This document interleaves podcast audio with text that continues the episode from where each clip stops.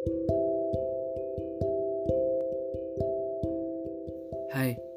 perkenalkan, namaku Lintang.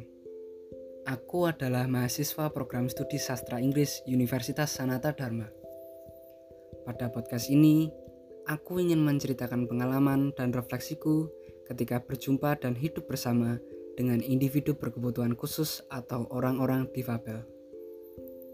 Podcast ini sekaligus aku buat untuk memenuhi kewajiban penilaian tengah semester Kasal Universitas Sanata Dharma. Untuk menjaga privasi, semua orang dan pihak yang terlibat dalam cerita ini namanya aku rahasiakan. Kisahku ini terjadi ketika aku masih duduk di bangku kelas 11 SMA Kolose de Brito. Dalam rangka mematangkan kepribadian siswa, SMA Kolose de Brito memiliki serangkaian kegiatan yang biasa disebut dengan formasio atau formasi. Kegiatan yang aku, aku ikuti pada waktu itu adalah kegiatan live-in, di mana kami, para siswa hidup dan mengikuti keseharian orang-orang dengan berbagai latar belakang selama satu minggu. Lokasi di mana kami akan diberikan ini, akan ditempatkan ini, diberikan secara acak sehingga banyak dari kami yang merasa was-was sekaligus antusias dalam menunggu hasil pemilihan tempat kami akan tinggal. Lokasi di mana kami akan ditempatkan ini bersifat rahasia. Namun, karena kegiatan live-in ini merupakan kegiatan tahunan, banyak kakak kelas kami yang memberikan bocoran pengalaman mereka serta lokasi di mana kami akan ditempatkan. Tentu saja, hal tersebut membuat kami bertambah was-was sekaligus antusias banyak pula dari kami yang berharap untuk tidak ditempatkan di daerah-daerah yang dianggap paling sulit untuk dijalani. Beberapa lokasi tersebut antara lain suatu pemukiman padat di Jakarta, suatu pemukiman nelayan dekat pantai, dan lokasi di mana pada akhirnya aku akan ditempatkan, perumahan rawat individu berkebutuhan khusus di Malang. Hari kegiatan live-in pun tiba. Malam menjelang dini hari itu, kami dikelompokkan secara acak ke dalam bus-bus pariwisata. Aku termasuk dari sebagian kecil siswa yang pasrah terhadap lokasi di mana kami akan ditempatkan. Semua akan baik-baik saja, pikirku. Toh, semua ini demi kebaikan diriku sendiri, agar aku mampu memiliki pengalaman baru dan memiliki empati terhadap sesamaku manusia. Malam semakin larut, aku dan teman-temanku pun tertidur menanti esok hari yang penuh dengan ketidakpastian. Menjelang pagi, banyak dari teman-temanku yang berteriak bahwa kini kami berada di Malang. Oleh karena bocoran dari kakak kelas yang pernah aku singgung tadi, aku langsung tahu bahwa kami akan merawat individu berkebutuhan khusus. Dari satu bis yang penuh dengan puluhan orang, kami dibagi lagi menjadi beberapa kelompok kecil berisikan 10 orang dalam sebuah mobil aku dan teman-temanku diantarkan ke sebuah perumahan. Dari situ, kami dibagi lagi menjadi dua orang dan perlahan-lahan waktu waktuku pun tiba. Aku dan seorang teman diantarkan ke sebuah rumah dan kami pun disambut oleh ketua perawat di rumah itu. Kami memanggilnya dengan sebutan kakak. Ada pula kakak-kakak lain yang turut merawat. Kami juga disambut oleh seorang ibu yang hanya datang di pagi hari untuk memasak sarapan. Dalam rumah itu terdapat beberapa individu berkebutuhan khusus. Mereka semua memiliki latar belakang umur dan disabilitas yang berbeda.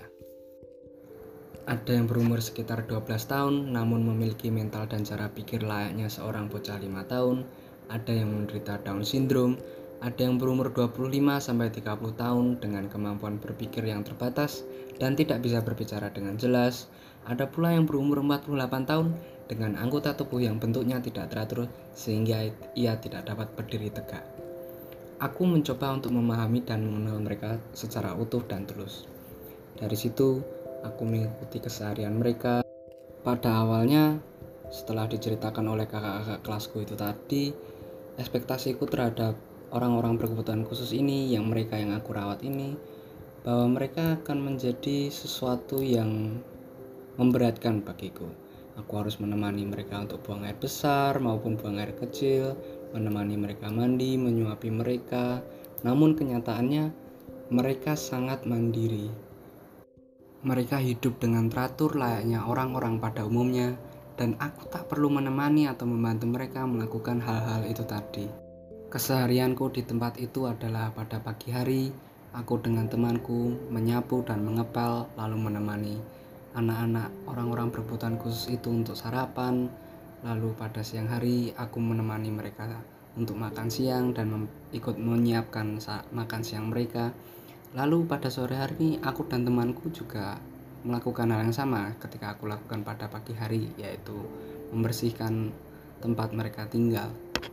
Dari kejadian ini ekspektasiku yang pada awalnya bahwa mereka akan menyulitkanku itu terpatahkan. Dengan kepedulian dan perhatian yang cukup mereka mampu hidup layaknya orang-orang pada umumnya. Hari-hari pun berjalan aku turut aku makin mengenal mereka dan aku pun makin mengenal pula latar belakang mereka lewat cerita-cerita yang diceritakan oleh kakak-kakak perawat kepadaku. Kami berbagi cerita, kami berbagi canda dan tawa dan pada saat itu juga aku menganggap mereka sebagai keluarga. Dalam mata mereka, aku melihat suatu rasa kebahagiaan dan rasa syukur yang tidak biasa aku temui pada orang umumnya. Dan di pada saat itu pula aku merasa terenyuh. Itulah apa yang aku rasakan. Aku merefleksikan keseharianku bersama dengan mereka selama satu minggu, dan jujur, aku sempat menangis. Aku dalam bayanganku, dalam perspektifku, aku tidak bisa membayangkan Bagaimana rasanya jika aku berada dalam posisi mereka? Sedari kecil memiliki suatu disabilitas dan tidak bisa menjalani hidup layaknya orang pada umumnya dan membayangkan itu saja membuatku merasa putus asa dan sangat sedih. Aku merasa aku ingin menyalahkan Tuhan, mengapa engkau mengkaruniakan aku seperti ini, mengapa engkau membuatku menjadi seperti ini? hidup pasti akan terasa begitu sulit. Belum lagi ditambah dengan anggapan orang lain terhadap disabilitas yang akan aku miliki. Aku semakin bersedih ketika mendengar cerita dari kakak-kakak perawat bahwa banyak dari mereka ketika masa mudanya diabaikan oleh orang tua mereka sendiri. Ibu dan ayah yang seharusnya merawat membesarkan mereka namun mengabaikan anaknya sendiri. Sungguh aku merasa iba dan aku pun menangis pada saat itu. Namun, anggapanku itu tadi tidak sejalan dengan apa yang aku lihat di mata mereka. Tampak rasa syukur dan kebahagiaan di mata mereka, suatu hal yang tidak biasa aku temukan di mata orang-orang pada umumnya. Mengapa? Aku bertanya-tanya, mengapa mereka bisa bertahan sejauh ini dan mencapai titik ini? Aku bertanya pendapat kakak-kakak perawat. Jawaban mereka pun membuka mataku. Tidak dipungkiri mereka menjalani hidup yang sulit. Itu adalah sesuatu yang harus mereka terima. Disingkirkan oleh masyarakat, bahkan hingga diabaikan oleh orang tua mereka sendiri. Namun, mereka memutuskan untuk terus bertahan dan hidup.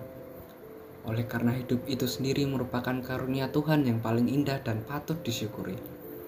Aku pun bertanya lagi, mereka mampu memiliki perspektif baru itu oleh karena mereka ditangani oleh orang-orang yang benar-benar peduli kepada mereka, layaknya kakak-kakak perawat ini.